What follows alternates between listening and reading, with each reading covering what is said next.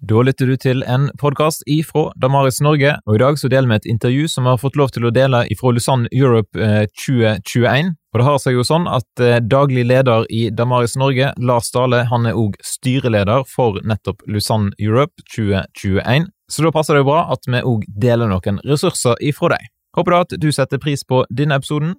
Ønsker du å finne ut mer om Lusanne Europe, så går du til lusanneeurope.org. Her er dagens episode.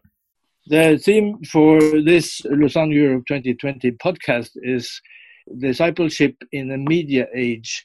And with me to talk about uh, this is associate professor at the NLA University College in Kristiansand, Norway, Margunn Serigstad Dale. You, uh, Margunn, uh, teach in the area of communication and worldview. And um, in the current situation, it is impossible to avoid talking about how we're all influenced by the corona pandemic. The media are completely full of information about the outbreak. Uh, have you reflected on what this does to us from your perspective? Well, of course I have, because it, it's rather overwhelming, isn't it? And uh, it's quite a task for all of us to engage well with the media in times like these on, on different levels.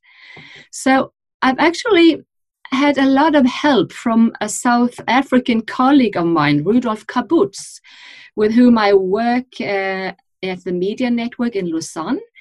And he points out some aspects that very much resonate with me regarding the current situation and all the information, all the news stories about the corona epidemic that I meet wherever I turn my head these days. He says, for example, firstly, let us listen carefully.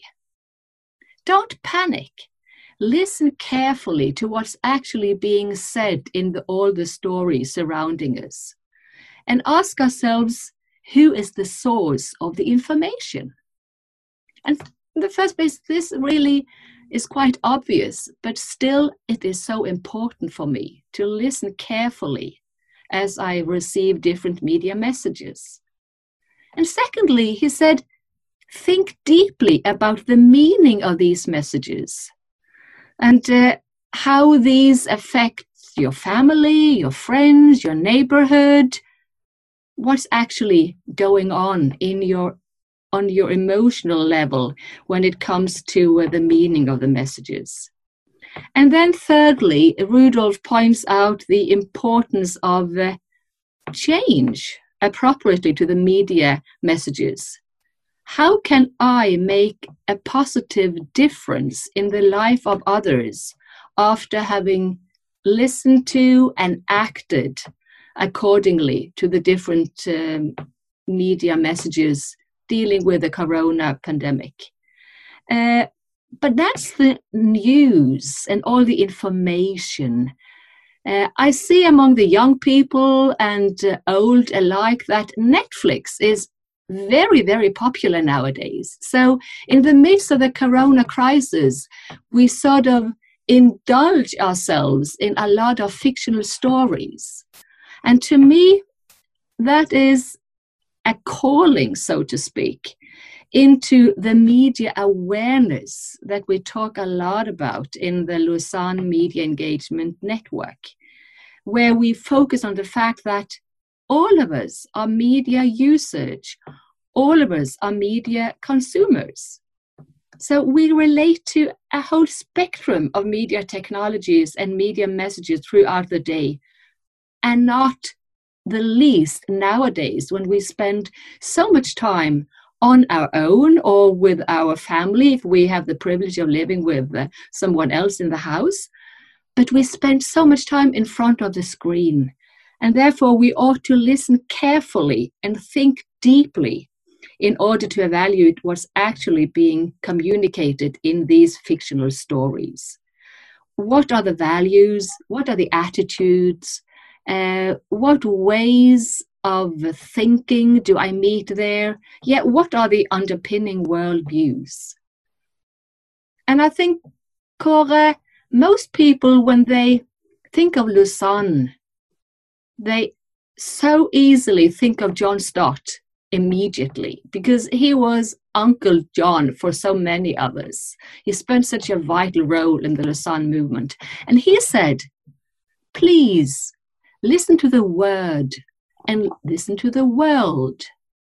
And to me, in these days of the coronavirus, it helps me listen to the word, the story of the Bible, before listening to the stories in the news and the stories in the fictional media.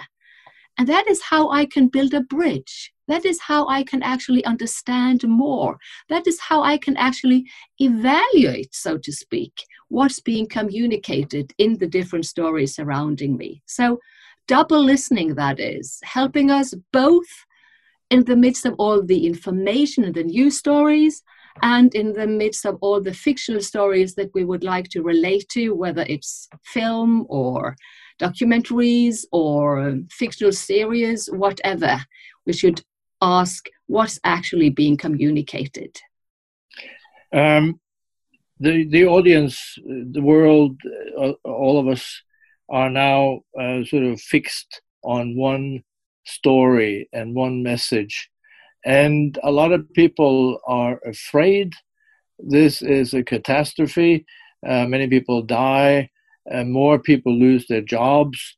There's a lot of uncertainty uh, all over the place. Mm. Um, what does that do uh, to you and others that are communicating the gospel through the media? that the audience is in a state like that. Well, I've said so many times over the last few weeks what a blessing that Easter turned out to be right now in the midst of the corona crisis because it provides us with such an opportunity to link up to the key message of the Christian faith to listen carefully to the story with a capital S, where the cross is at its center, where Christ suffered not only with us, but for us. And that is where our hope is grounded. So it's a gift in the midst of uh, the crisis. And so many people are talking about hope nowadays. And I'm so happy that people talk about hope because that is what we need. But at the same time, I ask myself over and over again what sort of hope are people referring to? Whether they are politicians or leaders in the health um, departments or wherever, what sort of help, what sort of hope do they offer us? And you know, and I know that from a Christian perspective, we actually have the deep rooted living hope that is grounded in what happened at Easter that we have just celebrated. And to be a bit personal, I actually have the privilege of writing a devotional column in the regional newspaper now and then. And I had the week leading up to Easter, the Palm Sunday, and each and every column I pointed to the hope from the Christian worldview, relating it to different angles. And now I'm actually there again this week. And I started today, which is a Monday, by referring to the Queen of uh, England, who on the day before Easter Sunday related to the key message of Easter Sunday when addressing her people in England, saying, Could only the flame of Easter Sunday be the flame that guides us in the days to come? And that flame, that is the living hope. So it gives us a lot of opportunities to speak relevantly through the media in our society as individuals how do we use the Facebook, the blog? How do we use the Instagram? And quite a few of us get a, a platform that goes even wider. And also from the churches. You know, the churches are empty, but more people listen to uh, the Christian message, I think, nowadays than usually takes place on a Sunday morning because churches have gone online, which is a wonderful opportunity for people who never ever wants to enter a church building, but they can easily, just by a click, be there. So for us, and for each individual and for the pastors, for the communicators, it gives quite a pulpit and quite an opportunity to link up to the anxiety, the needs, the frustration, the sorrow with the Christian worldview, with the Christian hope. Do you think that um, this uh, idea that the, uh, most of the communication is now online, uh, that's uh, a new situation, although the online connectivity has always been there or been there for a long time. But do you think that uh, this sort of uh, communication platform that uh, the churches are now using will be uh, with us for a long time? Will be a more sort of a permanent uh, way of communicating? Of course, we all long for the day then that we can sit together and praise God being in the same room, feeling each other, touching each other, rejoicing together in worship and in prayer. Uh, so we will not, of course, continue to meet only online, but we learn some very important lessons nowadays. We are just sort of, uh, we had to dive into a new situation, each and everyone. And I think in the churches, we will see a combination of using the social media and the different media outlets, the platforms, in creative ways, in combination with meeting up face to face in the buildings, in our homes, and so on. So, this combination, I really hope and pray, will be what will put a mark on us after the corona crisis is over. What what is the the most important thing going forward when it comes to Christian engagement in the media age? Uh, knowing where we are now, what what uh, what should we focus on more than anything else? Well, we have two ears and one mouth, and that is constantly a reminder to me, even though I'm a slow learner, that I should listen more than I speak.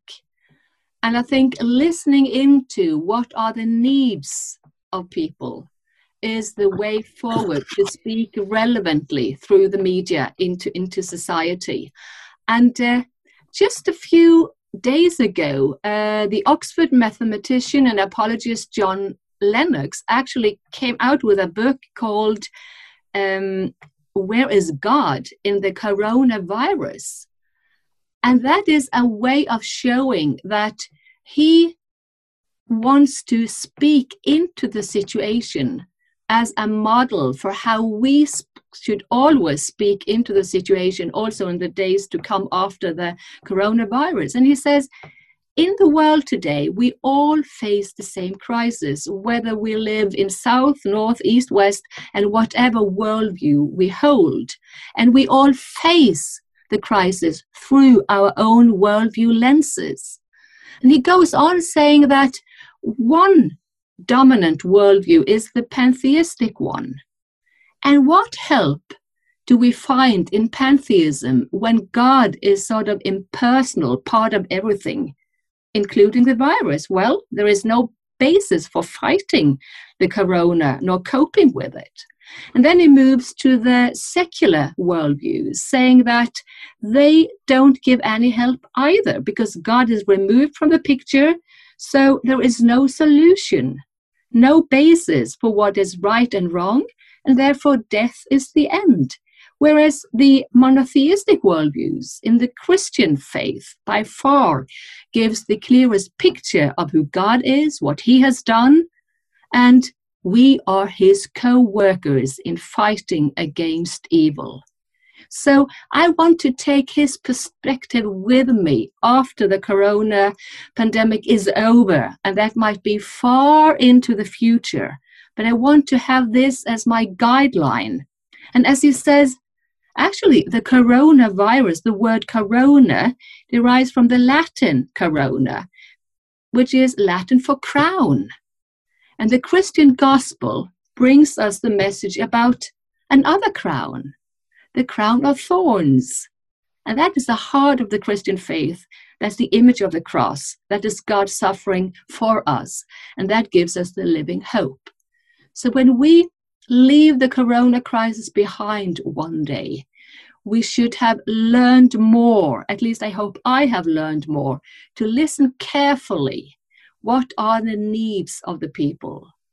And to address the needs from the biblical perspective because Christian, the Christian worldview is holistic and it's about a person, it's a personal relationship to the one who suffered, to the one who longed, to the one who actually rose from death and who is our living hope. And that is really what people need today, tomorrow, and forevermore. And that, I think, will gives an even stronger emphasis in the message from the Christian pulpit, whereas the pulpit is actually in the church or via the computer in the time to come. So that is media ministries for all of us. You uh, are one of the multiplex uh, speakers at the planned gathering of the Lausanne Europe 2020 that may now be postponed because of the uh, uh the pandemic, but uh, it will happen uh, at some point. and the title for your multiplex is Opportunities for the church in the media age. Um, do you think that uh, some of what you will be saying there will change somewhat in the uh, because of the situation that we are now in? I'm sure that my examples will be different because they always are up to date. So uh, what I have written uh, as as far is more on general basis, and then I will dive into the current situation and give examples. But the key approach will be the same because it has proved to me over the years, both at, in my own teaching and in the media network in Lausanne, that the threefold approach of media awareness, media presence, and media ministries help us a lot in dealing properly with the media saturated world of ours. So, media awareness, as I pointed out, for how do we actually evaluate the messages that we meet both in the news and in the uh, entertainment media, wherever we are, because we are all media consumers and users. Uh, media ministries that we have also already touched on when it comes to both the organizations and the churches that use media to proclaim the gospel and to use media in building the people of God, but also on the individual basis that we are all called to be disciples. Of course, we are. And being a, a disciple means that we also use our personal media outlets in order to share our gospel, to meet people where they are and share it in a personal way. And thirdly, the media presence. And really, I hope and pray that we will have more Christian journalists out there as salt and light in the years to come. Journalists making documentaries, people also working in the fictional stories in the entertainment industry, just imagine if after the corona crisis, for instance, we get a lot of input in the entertainment industry from Christian creative filmmakers who use the experience that is common all over the world to give hope to people. So, media presence, yes, we need Christians with integrity out there as salt and light in the different media houses. Secondly, media ministries, both from churches and from us as individuals. And then, thirdly, media awareness. We all in our daily life should help each other to put on the biblical worldview glasses properly and evaluate what's going on all the time by using uh, double listening from John Stott. First, listen to the word, then listen to the world. First, listen to the story of the Bible, then listen to the stories around us. So, uh, of course, I will give more up to date examples, but the approach will definitely be the same. These are trying times. Uh, we're all trying to find our way uh, through and come back on the other side, hopefully strengthened. And uh, I thank you, Margunn, for uh, being with us on this podcast today. And we are looking forward to um, hearing what you have to say at the gathering when whenever that happens. Thank you very much. And thank you very much for uh, letting me um, come and uh, talk things over. And uh, it's really a privilege. And we'll just pray for the situation to calm down and for God to uh, be able, no, to, to use us in a way that we can honor Him in the midst of the crisis.